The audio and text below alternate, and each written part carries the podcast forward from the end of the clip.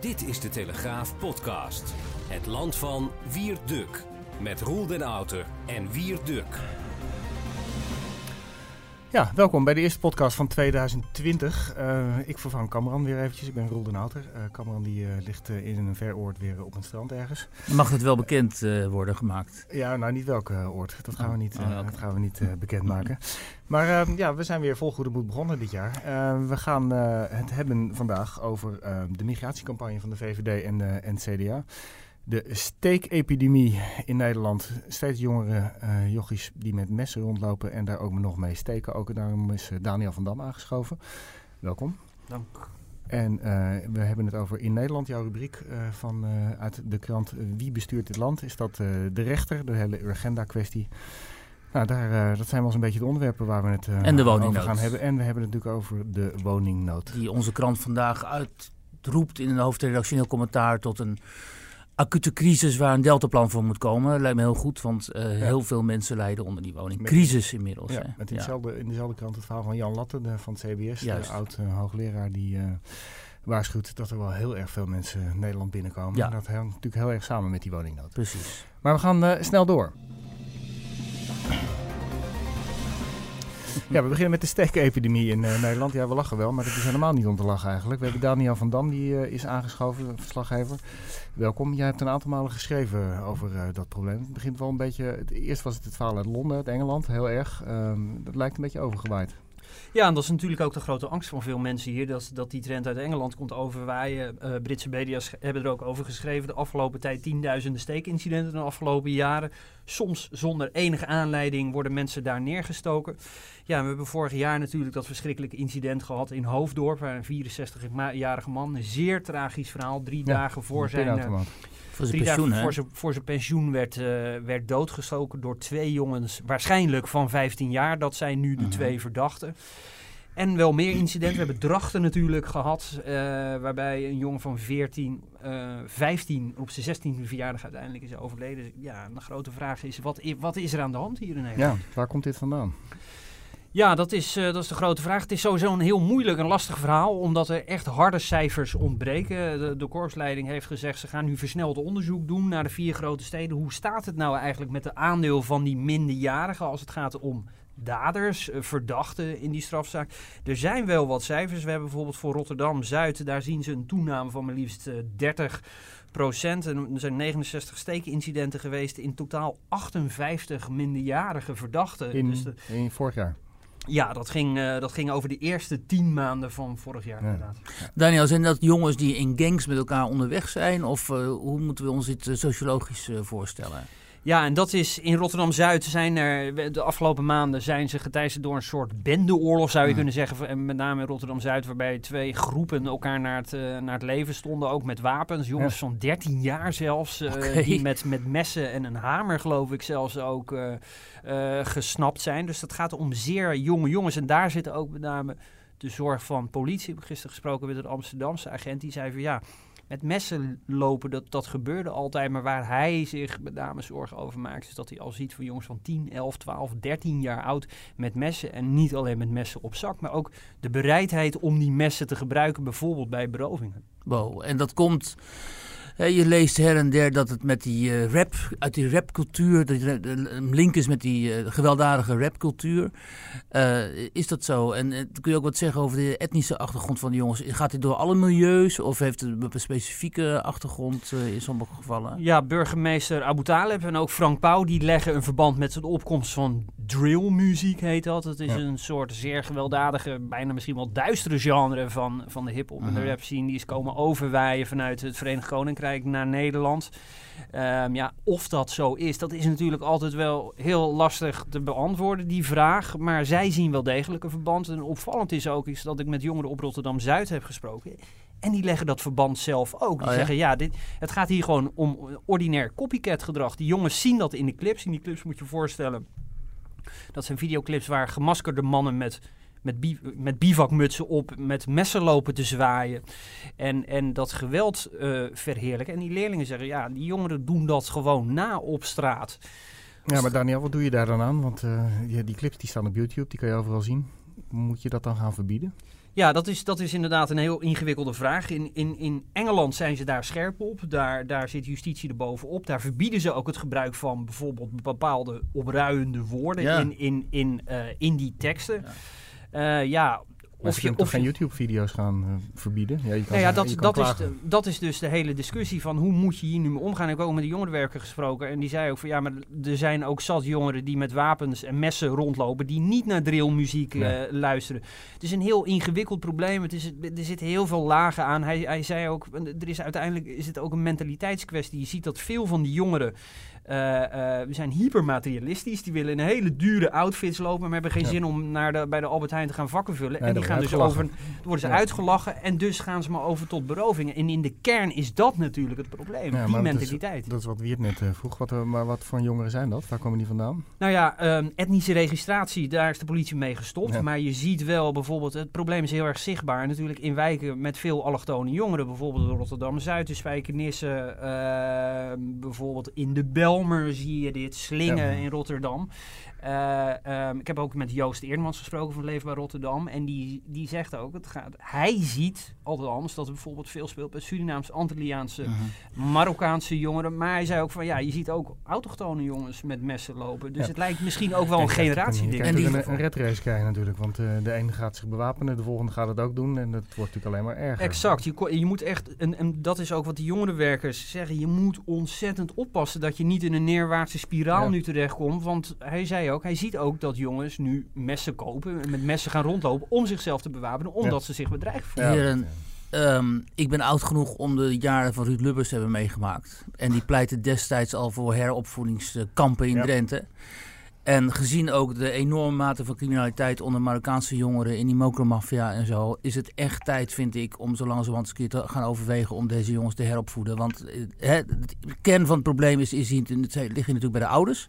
Ja. Ik neem aan dat veel van die jongens uit gezinnen komen waar de vader weg is. Hè. Dat is eh, Klopt, en dat dat zegt de jongerenwerker inderdaad Ja. ook. Het ontbreken van een vaderfiguur om dit soort jongens te corrigeren. Maar Precies. pleit jij nou voor heropvoedingskampen? Ja, ik pleit zo langzamerhand dus eh, ervoor om deze jongens eh, niet gevangen te zetten, maar ergens te zetten waar ze ge- ge- geheropvoed kunnen worden. Jij komt uit het Hoge Noorden. Ik heb daar laatst een boek over gelezen. Dat heropvoedingskamp, dat was het ook weer in Drenthe geloof ik. Hè? In Drenthe eh, daar heeft, eh, staat voor er meen over ik, eh, Frank Westerman ook over geschreven ooit. Hè.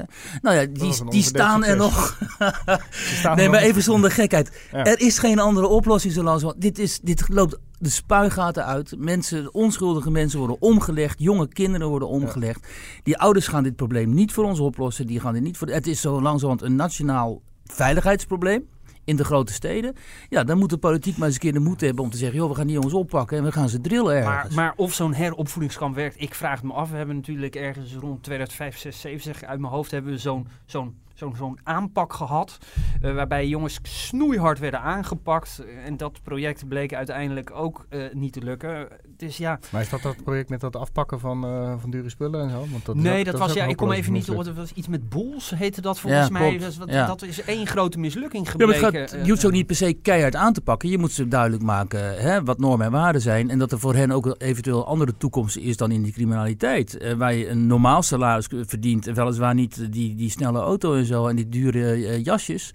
Maar waarin je wel een fatsoenlijk mens kunt worden. Want dat mensbeeld bij die jongens is natuurlijk totaal verstoord.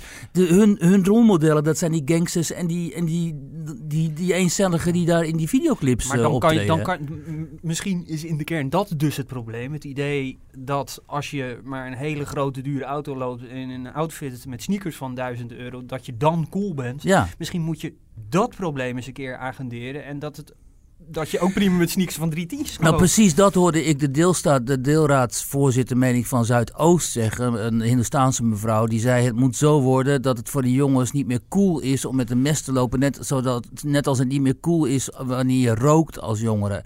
Maar ja, eh, ga dat maar eens. Hè, dat is natuurlijk een heel langdurig project. En hoe ga je dat doen? Ga je dan daar zo'n jongerenwerker neerzetten en zeggen: Joh, het is niet cool met de mes te lopen? Plus die cultuur wordt natuurlijk ook eh, overgepompt via sociale media, Ja. ook vanuit Ja. Amerika, waarin die jongens zien dat die rappers en die, die, die- hun voorbeelden, hun rolmodellen in, in dure auto's. Het is een waanzinnig maar ingewikkeld Daniel, probleem. hoe lossen ze dat in Amerika op? Ook niet, Niet?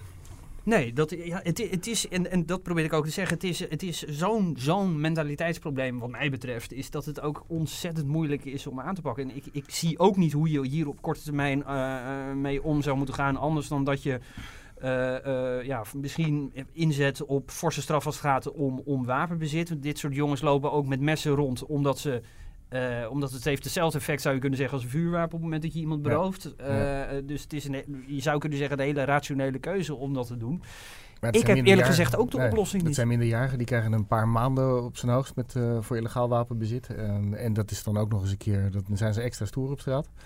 ja, dat, uh, ja het is, het is zo'n ontzettend... Uh, ik heb ook wel eens verhalen gehoord dat, dat op het moment dat je, dat je, dat je zelfs al ben je neergestoken, dat je, dat je een soort street credibility daarvoor krijgt. Omdat je, kun je litteken laten zien. Kan je, kan je litteken laten zien. Dus dat geeft aan hoe ontzettend moeilijk dit is. En, en, en roepen om een harde aanpak snap ik. En ik denk dat op korte termijn misschien ook wel een oplossing is. Maar het is zo'n zo'n waanzinnig ingewikkeld probleem. Ik, uh, ik zie nou ja, ik zou ervoor pleiten om die jongens uit een sociale omgeving te halen en die sociale structuren zelfs te doorbreken.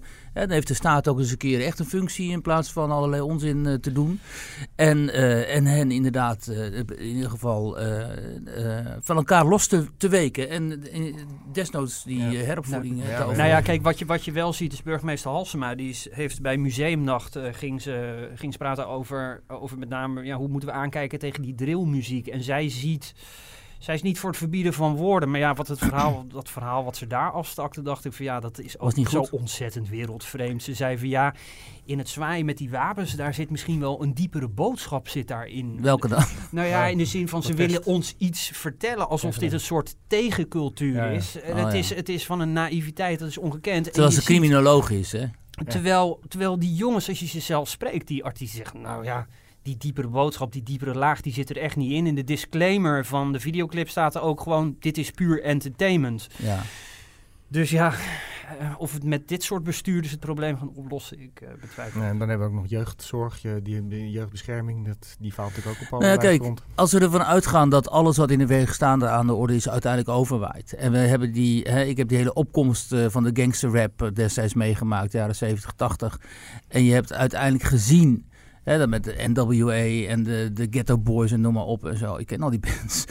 En je hebt gezien waar het uiteindelijk toe geleid heeft. In de Verenigde Staten, in de steden, een oorlog van zwart tegen zwart. Hè. Er worden om de havenklap zitten zwarte mannen, zwarte mannen dood te schieten. Hè. En die, die, die witte, blanke gemeenschap heeft zich daar al enigszins bij neergelegd. En kijkt daarnaar als, alsof ze naar een soort reservaat kijken en zo. Nou, dat is toch niet wat je hier in de, in de grote steden wilt laten gebeuren over 10, 15, 20 jaar? Nou, het begint volgens mij mee te erkennen dat die hele straatcultuur, dat dat met name voor jongeren die, die, die op achterstand staan, dat dat een hele giftige cultuur is. En dat, dat, dat je dat ook gewoon moet uitspreken. En, je, en het lijkt ook soms wel eens bij bestuurders dat ze dat, ze dat niet durven, omdat ze dan bang zijn dat, dat, dat ze een soort CDA-provinciale stempel op, op zich gedrukt krijgen. Dat ze maar wegblijven daarvan. Ja. Maar ik, misschien begint het daar. Daniel, dit is een hele juiste observatie. Want inderdaad, die angst ook door die gezagsdragers, zeg maar, om als niet als cool te worden gezien, is enorm. Ik hoorde laatst op de radio een, een jonge, ik meen Surinaamse man die dus wel in die wijken zit en die jongerenwerk doet en die dus die, die wel die street credibility heeft omdat hij er gewoon vanzelf vandaan komt die heel intelligent is ook. En die was keihard hierover, weet je wel. Want hij weet wat dit is en hij weet dat je harde maatregelen moet nemen. Uh, hij, hij is er niet op uit om door die jongens gefeteerd te worden, om applaus te krijgen van die jongens. Want dat betekent voor hem niks. Terwijl voor veel te veel van die, zeg maar, die blanke, hè, laten we zeggen, wat linksere uh, uh, bestuurders en zo lijkt het inderdaad vaak alsof het heel belangrijk is dat ze door die jongens ook worden aangenomen of zo. Hè? En uh, dat vind ik ook een hele slechte instelling. En het hele pijnlijke is door eigenlijk misschien niet heel hard uit te spreken tegen die straatcultuur, hou je ook hele kwetsbare jongens die daar in dat cultuurtje gevangen zitten. Ja. Die, die hou je daarin gevangen. En, en die zijn uiteindelijk daar het meeste slachtoffer van. En dat maakt het zo uh, pijnlijk wat mij betreft. Wanneer staat je verhaal in de krant? Morgen. Heel goed. Samengeschreven met uh, collega Mick van Weling. Oké. Dankjewel. Daniel, bedankt. En we gaan het even straks hebben over de woningnood, als Daniel uh, hier vertrokken is. Die gaan we even oplossen, Wiep. ja, gezamenlijk. Dankjewel, Daniel. Dank je. Ja, wie heeft vanmorgen in de krant een, uh, een, groot verhaal over de woningnood in ons land. Dat begint nu totaal uit de hand te lopen. Ja, dat is dus een uh, woningcrisis inmiddels. Ja. Um, en die zagen we ook al ver van tevoren aankomen. Er wordt veel te weinig gebouwd. Ja. En in het hoofdredactioneel commentaar uh, roept uh, deze krant op, de hoofdredactie, tot een deltaplan. Wat mij heel juist lijkt, omdat um, je merkt dat er helemaal geen doorstroming meer bestaat voor uh, starters. Dus voor mensen met een gering inkomen, die maken geen kans meer, zowel op de huurmarkt als op de koopmarkt. Um, ik heb in het afgelopen jaar ook wel veel met mensen gesproken. En dan zie je bijvoorbeeld um, dat uh, heel veel jongeren tegenwoordig tot op steeds hogere leeftijd bij hun ouders blijven zitten. Omdat ze um, geen mogelijkheid hebben om uh, zelf zelfstandige woningen uh, te vinden. En dan ontstaat een hele ra rare situatie dat dan op zolder je zoon van 27 woont. Eigenlijk met zijn vriendin, die dan ook permanent daar is. Ja. En dan ben je zelf een jaar of 60. Uh, hè, en dan zeg je, ja, wanneer gaan die, die kinderen eens een keer de deur uit? En waar ik toen was, dat was in Amstelveen, was de nare situatie ontstaan dat ehm, hoogopgeleide Indiërs die naar, naar deze regio zijn gehaald, als ICT'ers, dat die die woningmarkt daar verstoppen. Want die krijgen dus vanuit hun firma's hoge hè, toelagers. 1500 euro. Ja. Precies, die betalen makkelijk 1500 euro. Dus die krijgen die, die, die woningen. Um, waardoor dus de autochtone bevolking, laten we het zo zeggen, enorm gefrustreerd uh, raakt. Um, dat is dan in het hogere segment. In het lagere segment, de sociale huur, hè, die ook voor een groot deel overigens is geprivatiseerd geraakt, wat uh, ook niet zo verstandig is geweest. Maar uh, sociale huurwoningen die worden vaak toegekend aan statushouders. Hè, want de gemeentes hebben de plicht om een bepaald aantal statushouders op te nemen en dan hen van woningen te voorzien ook. Waardoor mensen die eigenlijk normaal gesproken al in, voor zo'n woning in aanmerking zouden komen, die vaak al jaren wachten, um, nog langer moeten wachten. Ja. Dat leidt tot ontzettend veel onvrede. Ja, maar dit vergt, dit vraagt drastische maatregelen. Maar wat, waar, ik ben in de jaren tachtig opgegroeid en toen was het ook heel moeilijk om een huis uh, te krijgen. Toen ja. was ook de rente hoog en uh, huurwoningen waren er niet. Ja. Toen had uh, de overheid bedacht, we gaan premies uitdelen. Premie ja. A, premie B, dat soort. toen ja, hebben dat ze het weer enigszins vlot getrokken. Maar zoiets zou kunnen natuurlijk. Nou kijk, wat ik denk is dat er een integrale visie moet komen op, op al deze ontwikkelingen. Dus zowel op het wonen, maar ook op immigratie op uh, integratie ook, uh, op hoe wij willen werken, weet je wel. Dus al die aspecten hangen met elkaar samen. Want op dit moment is zo, daar gaan we het zo over hebben, dat er de afgelopen jaar iets van 114.000 mensen bij zijn gekomen in Nederland. Um, alleen door immigratie. Hè. In totaal ja. zijn iets van 134.000 bijgekomen. En 114.000 daarvan uh, betreft dan uh, uit immigratie. Dat zijn heel veel Oost-Europeanen. Maar ook, ook, die mensen uit India. Maar die mensen ja. hebben we ook wel hard nodig in, uh, in ons bedrijfsleven. Anders loopt de hele ICT in de soep. nou ja, dat wordt gezegd. Alleen dan moet je gaan nadenken over... En dat is, doet Jan Latte ook vandaag bij ons in de krant. Ja. Over hoe je die mensen dan hier wilt onderbrengen en voor, bijvoorbeeld voor hoe lang. Of je hen niet bijvoorbeeld tijdelijke verblijfsvergunning moet uh, geven, hè, zodat je weet dat ze na een tijdje ook weer, ook weer weggaan. Um, waar natuurlijk sowieso, en daar hebben we ook deze week in onze krant een verhaal over gehad, eh, waar zo, natuurlijk sowieso een einde aan moet komen, is die instroom van uh, illegalen die maar niet weggaan, hè, die maar door blijven procederen. Hè. Kansloze immigranten die dan een beroep doen op asiel. Dat zegt de staatssecretaris ook bij ons in de krant. Zodra ze asiel roepen, gaat de procedure in werking. Wordt die procedure verworpen, gaan ze naar procedure 2, 3, 4, 5. En zo blijven ze jarenlang zitten. En daarmee doen ze ook een aanslag. Misschien niet zozeer op woonruimte, nee. maar wel op de verzorgingsstaat natuurlijk. Ja. Dat moet allemaal maar betaald worden, al die ja. dingen. Hè? En, en zolang, wat zo langzamerhand interessant is om te zien, is dat steeds meer burgers begrijpen dat die verzorgingsstaat die wij hadden opgebouwd en die onze ouders hebben opgebouwd, uh, een enorm belangrijk goed is. Hè? Een van de hoogst beschaafde modellen, samenlevingsmodellen überhaupt.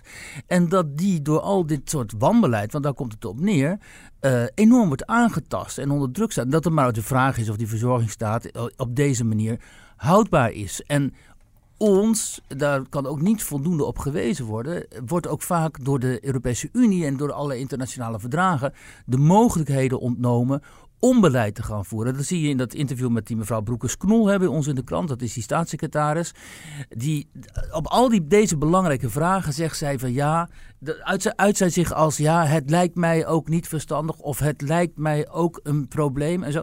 Ze kan helemaal niet zeggen van we gaan er nu paal en perk aan stellen, omdat zij ook in dat framework, in het raamwerk van Europa zit, waardoor Nederland allerlei besluiten over de eigen grenzen bijvoorbeeld helemaal niet meer kan nemen. Er zijn landen genoeg in Europa die zeggen van uh, we, we stellen onze eigen regels wel, vooral in het oosten. Precies, en als je dan ziet wat landen als Hongarije en Polen en zo zeggen, doen, die gewoon keihard zeggen, ja, we willen bijvoorbeeld geen, immigratie uit de islamitische landen, want we zien wat, wat dat in, in West-Europa tot, gevolg heeft, dan worden ze vanuit Brussel ernstig uh, gekapiteld door mensen als Frans Timmermans. Hè, die dan zeggen, Klopt, ja... maar ze gaan gewoon door. en, maar goed, uiteindelijk uh, gaan ze gewoon door. Maar dan op een gegeven moment ik zich natuurlijk de vraag op... ja, als je lid wil zijn van die, van die club, de Europese Unie... en je wilt je niet conformeren aan de regels van die Europese Unie... ja, dan is het natuurlijk de vraag, moet je dan nog wel lid blijven? Dus dan uh, moeten die landen eigenlijk eruit. Maar ja, die profiteren zo enorm van die subsidies ja. uit Brussel... Ja. die gaan er nooit uit. Dus hè, die willen wel... Uh, hè, ja. En dan kun je beter zeggen, zoals de Britten hebben gedaan... oké, okay, we zijn het hier niet mee eens, we kappen ermee en we gaan er hier uit. Maar ja, dat kan je makkelijk zeggen als je als land natuurlijk ja. een netto betaler bent zoals Nederland dat ook Precies. is. Maar er zit ja. kennelijk toch wel heel, er zit heel wat rek in die regels. Want uh, ze kunnen het heel lang uitzingen. Hongarije, Polen, uh, om uh, de immigratie te beperken. Ja, uiteindelijk heb je boetes en dergelijke en zo. En, ja. en kijk, vanuit Brussel, die willen natuurlijk niet, hè, de, de Britten zijn weg. Die willen natuurlijk niet dat als nog meer landen de Europese nee. Unie gaan verlaten, dan stort het hele project in elkaar. Dus daar zijn ze natuurlijk vreselijk bang voor. Dus wat je zou willen, ook bij onze politici, dat is dat zij veel meer ruimte claimen voor zichzelf. En, uh, en voor, voor, de, voor, hè, voor, voor ons, hè, dat ze zich beroepen op de soeverein, soevereiniteit van Nederland. En dat zij zeggen, ja, we hebben zo'n enorm probleem. Uh, wij gaan het gewoon anders aanpakken. Wat bijvoorbeeld de Denen doen. Hè? Daar hebben we ook een verhaal over gehad van uh, collega Vincent Triest onlangs. Ja. Over uh, hoe de Deense sociaaldemocraten op dit moment eigenlijk een heel hard immigratiebeleid voeren. Omdat ze daar zien dat vanwege die massa-immigratie, die, die, hele sociale consensus daar, hè, wat we het sociale contract noemen, ja. uh, dreigt te verkruimelen. En dat is precies wat we op dit moment ook in Nederland zien. En het is echt verbazingwekkend hoe weinig dit tot nog toe althans uh, doorgedrongen is tot politici, of althans hoe weinig dit door de mainstream politici, dus de politie, politie midden, VVD, CDA, Partij van de Arbeid, uh, op tafel is gelegd. En pas nu, hè, nu de verkiezingen eraan zijn zitten te komen, zegt uh, vicepremier Hugo de Jonge van ja. 80.000 uh, nieuwkomers per jaar is wel een beetje veel. Maar een paar maanden geleden werd ja. hem gevraagd naar het Marrakesh-pact. Ja. Een heel belangrijk verdrag. Ja. Dat uh, zogenaamd de immigratie moet gaan reguleren uh, wereldwijd. Maar dat eigenlijk een uitnodiging is aan iedereen buiten Europa om maar gewoon naar Europa te komen. Daar komt het op er neer. Voor, hè, dat pact. Nee, dat, qua, qua, zeg maar, qua verdediging van onze grenzen stelt het pact niks voor. Je kunt gewoon een, een beroep doen op asiel en klaar is Kees toen Hugo de Jonge daarna gevraagd werd, toen hij eens een keer meen, uh, de premier verving, had hij geen idee waarover het ging. Toen zei hij letterlijk van, sorry, ik heb me hier niet op kunnen voorbereiden. Ik weet eigenlijk niet wat uw vraag inhoudt. Een van de belangrijkste verdragen die wij uh, hebben gesloten. En nu gaan nu heel veel mensen gaan natuurlijk weer zeggen, ah joh, al die internationale verdragen waar Nederland zich aan committeert en zo uiteindelijk stelt het allemaal niks, niks zoveel voor. Dat zijn intentieverklaringen ja. en zo. Hè? Nou, daar gaan we zo meteen over ja, hebben. Dat hebben we gezien met, het urgent, met die agenda-kwestie bijvoorbeeld. Ja, Hè? En het, ja, daar, daar gaan we het zo meteen over hebben. En nu heeft Rutte, inmiddels premier Rutte, heeft ook gezegd van... Um, nou, misschien moeten we uiteindelijk toch wel eens gaan overwegen om dat, dat Schengen niet goed functioneert. Hè? Dat Schengen-verdrag dat is het, dat betekent dat er een vrij verkeer is van, uh, van uh, arbeid en van, van mensen. Op basis waarvan wij bijvoorbeeld heel veel Oost-Europeanen hier aan het werk hebben. En heel veel Polen en zo.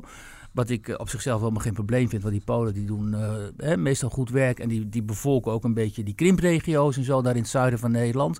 En die, die hebben geen fundamenteel probleem met onze rechtsstaat. De Oost-Europeanen, dat moet, moet altijd goed in ogenschouw nemen immigratie uit Oost-Europa leidt weliswaar tot, tot problemen met uitbuiting en ook wel hè, lichte criminaliteit en vooral overlast. Hè, want in Polen zitten vaak met elkaar in, in kleine woningen ja. en zo. Maar nou. het leidt niet tot de fundamentele. Uh, uh, tot het ontstaan van parallele samenlevingen waarbinnen de Nederlandse rechtsstaat wordt, uh, wordt uh, in vraag, ter, ter, vraag, ter, discussie wordt gesteld en het zelfs wordt aangevallen, hè, zoals vanuit, vaak vanuit de radicale islamitische gemeenschappen. Um, dus het is een enorm palet aan problemen die eigenlijk al lang aangesproken hadden moeten worden door de politiek. Uh, maar die veel te lang vanuit politiek correcte overwegingen. En ook vanuit de overweging dat we er toch eigenlijk geen oplossing voor kunnen bedenken. Dus laten we het maar onder het tapijt vegen. Want we hebben, we hebben, we hebben er niet echt oplossingen voor. Maar ja, die worden nu zo manifest. Die worden nu zo zichtbaar. Als jij geen woning kunt vinden. En uh, als jij, hè, dat verhaal wat ook in de krant deze week, Ja, ja, als je elders, een beetje door elkaar. precies, als je buiten de Randstad moet gaan vestigen Ja. om, om, om in de Randstad te kunnen werken, omdat je in de Randstad geen woning kunt vinden en zo. Eh, als al dat problemen bij gewone burgers op hun bord liggen, ehm, dan wordt het uiteindelijk natuurlijk onver- onvermijdelijk politiek. En dat is wat op dit moment gebeurt. En ik ben heel erg benieuwd hoe, en nieuwsgierig hoe dit tot aan de verkiezingen van volgend jaar, maart, eh, gaat lopen. Want het is voor mensen als mij en een aantal andere commentatoren al lang duidelijk. Alles gaat om immigratie. En wie dat ontkent is gewoon te kwade trouw. Ja. Alle problemen hebben daarmee te maken. De verzorgingsstaat, het milieu, de woning. Ja, vandaar Hè? dat die jongen nu natuurlijk ook al een beetje een draai aan het maken is. Alleen toen hem werd gevraagd van ja, moeten we het dan gaan beperken en wat voor een aantal hebben we het dan over, dan wilde die weer niks zeggen. Nou ja, dat dus. Net zoals Broekers Knol hè, bij ons Ja. in de krant. Als dan concreet wordt gevraagd, en wat gaan we daar dan aan doen? Dan, gaan ze, dan zeggen ze, we nemen het in Ja, overweging en we gaan, we gaan erover praten. Terwijl Dat durven ze natuurlijk niet. Nee, dat durft. Terwijl, hè, dus dat is een beetje zo als de woning is al bijna afgebrand en je gaat eens overwegen of je de brandweer gaat bellen. Ja. Nou ja, dat, dat, dat is toch ook geen beleid, joh. En dat is toch ook geen politieke daadkracht, hè? En, en, en, dan, en dan wel mensen die in ieder geval elders proberen om, iets, om dit probleem te benoemen en daar eventueel iets aan te doen, zoals Trump met zijn muur of daar in Oost-Europa. En je kunt alles van alles zeggen over aantasting van de rechtsstaat in Polen en Hongarije en zo. Maar in ieder geval, ze zijn niet te beroerd daar, net, als, net zo min als Trump, om gewoon het probleem in elk geval te benoemen. Hè? En dan, hangt, dan kun je discussiëren over de oplossingen. Maar dat niet benoemen van eh, problemen, dat is wat eh, heel veel burgers zo langzamerhand gewoon niet meer accepteren. Oké, Wiert, we hebben het al eerder gehad eh, over eh, de kwestie wie bestuurt dit land nou eigenlijk. Is dat de politiek of is dat de rechter? Je hebt er laatst ook weer over geschreven. Vandaag stond er toevallig een interview, had Saskia Belleman gehad met, de- moet ik eventjes spieken met Henk Navis, Oh, de Henk Navis, voorzitter ja. van de, de Raad voor de Rechtspraak. Die, eh, die slaat eh, terug. Dat, die, die vindt dat politici de, de rechtsstaat ondermijnen door van alles te roepen eh, over, over gerechtelijke uitspraken. Ja, Die zegt van, ja, dan moeten zij maar voor betere wetten zorgen. Ja. Dan hoeven wij die uitspraken niet te doen. Juist, dat is inderdaad zijn standpunt. Het gaat erom, die in die Urgenda-kwestie is een actiegroep, dus Urgenda, een stichting. Die is naar de rechter gestapt, want, zeggen zij, de regering houdt zich niet aan de afspraken. De afspraken is dat in 2020, zeggen zij, eh, de CO2-uitstoot met een kwart eh, zou worden teruggebracht. Eh, maar we komen aan 20 procent. En dat is dus onrechtmatig. En we stappen naar de rechter. En tot aan de Hoge Raad heeft die club gelijk gekregen. Dus de regering heeft nu de opdracht om de CO2-uitstoot met 25% te reduceren. Dat gaat echter voorbij aan het feit dat die 25% een intentieverklaring was. En dat de regering, het kabinet, zich heeft vastgelegd op 20% in Europees verband. Wat een bindende afspraak eh, is. Dus die rechters hadden net zo goed kunnen zeggen: Nou ja, die 20%, joh, hè, het is toch een beetje allemaal natte vingerwerk. Die 20% is ook al een behoorlijk eh, eh, getal. Gezien wat er allemaal voor nodig is en gezien de impact die dit gaat hebben op eh, de leefomgeving, hè, op, op, op banen en bedrijven en noem maar op. Dus wij vinden die 20%, dat de regering met die 20% eigenlijk ook wel een, eh, zich houdt aan die afspraken. Dat heeft dus, die, die Hoge Raad heeft dat niet gedaan. Eh, waardoor je kunt zeggen, nou dat is behoorlijk eh, activistisch standpunt als je meegaat in het maximale, eh, het maximale eis van zo'n Ja. actieclub. Hoe is het nu mogelijk? Dat komt omdat in de jaren negentig een bepaling is opgenomen eh, in het wetboek. Die bepaalt dat elke stichting of vereniging die zegt dat ze handelen vanuit het algemeen belang, naar de rechter kan stappen en kan zeggen: joh, dit en dit vinden wij in strijd met het algemeen belang. De staat uh, die houdt zich daar niet aan, dus wij klagen die staat aan. je mag namens een groep mensen zeggen dat hun belangen zijn geschaad en dan mag je een proces voeren. Wat voorheen Ja, niet eens alleen hun belangen, maar dus het, je vertegenwoordigt dan dus het algemeen ja, belang. Het algemeen belang. Nou, dan krijg je dus een hele principiële vraag, wat is dan het algemeen belang? Hoezo vertegenwoordigt Urgenda het algemeen belang, terwijl zij gewoon een groep hè, de, de milieuactivisten zijn? Waarom gaan rechters in mee in de gedachte dat zij het al, dat algemeen belang vertegenwoordigen? En wat is eigenlijk de onafhankelijkheid van die rechters? Dus ik had daar een, paar mensen over in de kranten. Die pagina van mij die ik wekelijks heb. Uh, onder andere Jos Teunissen, algemeen uh, emeritus, sorry, emeritus hoogleraar algemeen staatsleer. Zo, kom maar even niet uit. Ja. En Teunis heeft er uitgebreid over. Um, hè, dat is echt zo'n jurist. Die kijkt naar al die arresten en zo. En die leest al die teksten. En die zegt daar en daar en daar en zo. Dat klopt allemaal niet. En dat is niet goed. En er moet meer belangstelling voor komen en zo. En als je daar dan induikt en de redenering van Teunissen volgt. Uh, dan is het onomkomelijk eigenlijk dat, dat, dat dit aan de, aan de orde is. En dan kan Navas wel zeggen, ja, die politiek uh, die is te vaag. Daar ja, zit wat die, in. Ja, als die niet uit hadden gezegd dat je namens hele groepen kan gaan procederen, dan was dit probleem nooit ontstaan. Precies, dat is Dus inderdaad een heel goed punt. Die politiek had in de jaren negentig Ja. die bepaling natuurlijk nooit moeten Ja. accorderen. Want vanuit die bepaling begint al die ellende. Ja. Ehm, maar nu zijn er twee dingen die mij opvallen. Aan de ene kant, waarom is hier zo weinig ophef over? Want het is dus helemaal geen probleem van links of rechts. Het is een fundamenteel probleem in onze rechtsstaat dat dit kan. En wat vinden we daar eigenlijk van? En dan maakt het niet uit of je Jesse Klaver bent of eh, Thierry Baudet. Je moet je hierover Ja, uitspreken. het om... gaat straks over allerlei onderwerpen. Straks kan je misschien per direct roken verbieden in Nederland, omdat daar mensen geschaad zijn. Je hebt vuurwerkverbod. eh, je, je kan eh, tien dingen gaan Nou bedenken. ja, precies maar je wat kan je... het ook andersom gaan denken, dat allerlei dingen die eh, linkse mensen heel erg waardevol vinden, dat je die ook kan gaan verbieden. Nou ja, wacht maar tot op een gegeven moment een belangengroep opstaat. En die zegt van joh, die 2% NAVO-bijdrage, waar we maar telkens niet aan voldoen, maar waar we ons op hebben Ja. vastgelegd. Ja. Was weliswaar, is weliswaar intentieverklaring, maar ja, wij vinden dat best wel bindend.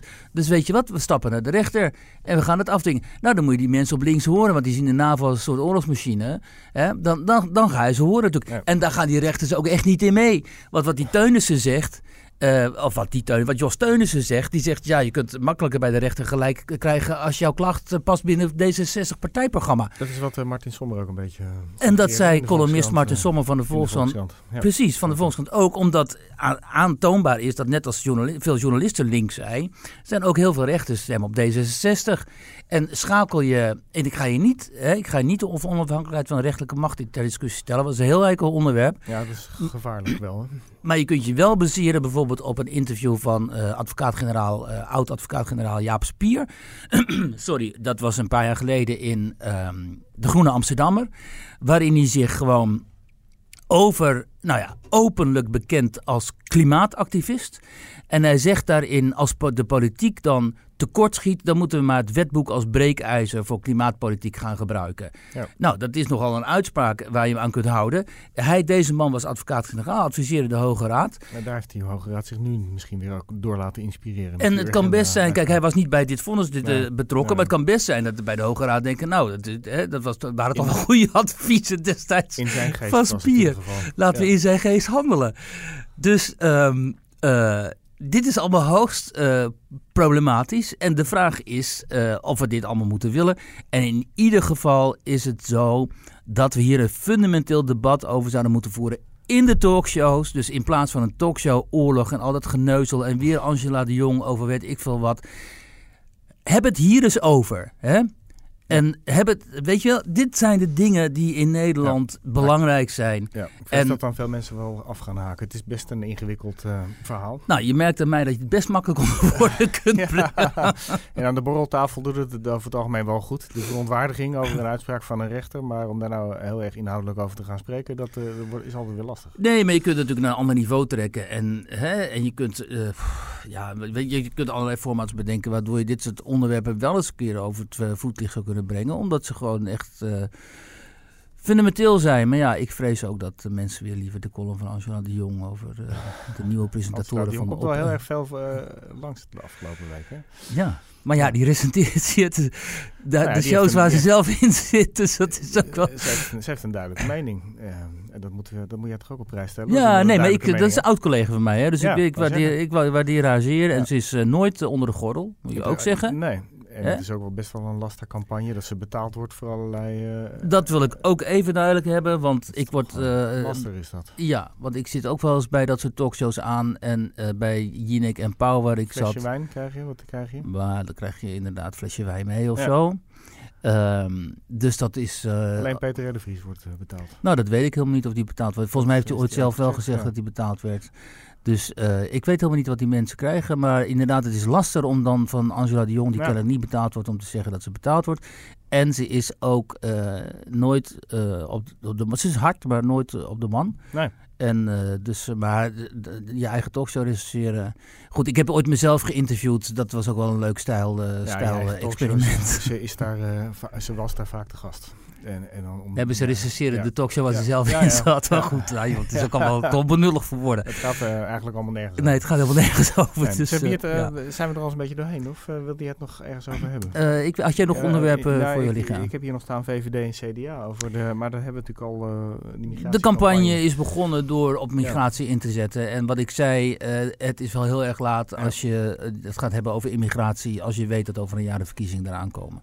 Dat had veel eerder moeten gebeuren. En er hadden veel ook een veel duidelijke visie ja. op die hele problematiek moeten worden ontwikkeld. Maar wij weten wat onze premier van het woord visie vindt. Daar krijgt hij allergie van. Oké, okay, nou volgende week uh, zijn we weer terug en dan is uh, Oela erbij. Die kan het uh, hopen in, we? In, in, betere banen leiden. Misschien dat hij alle onderwerpen weer uit elkaar kan halen. En dan gaan we weer vrolijk verder. Ik zou zeggen, Wiert, tot volgende week. Dank je wel.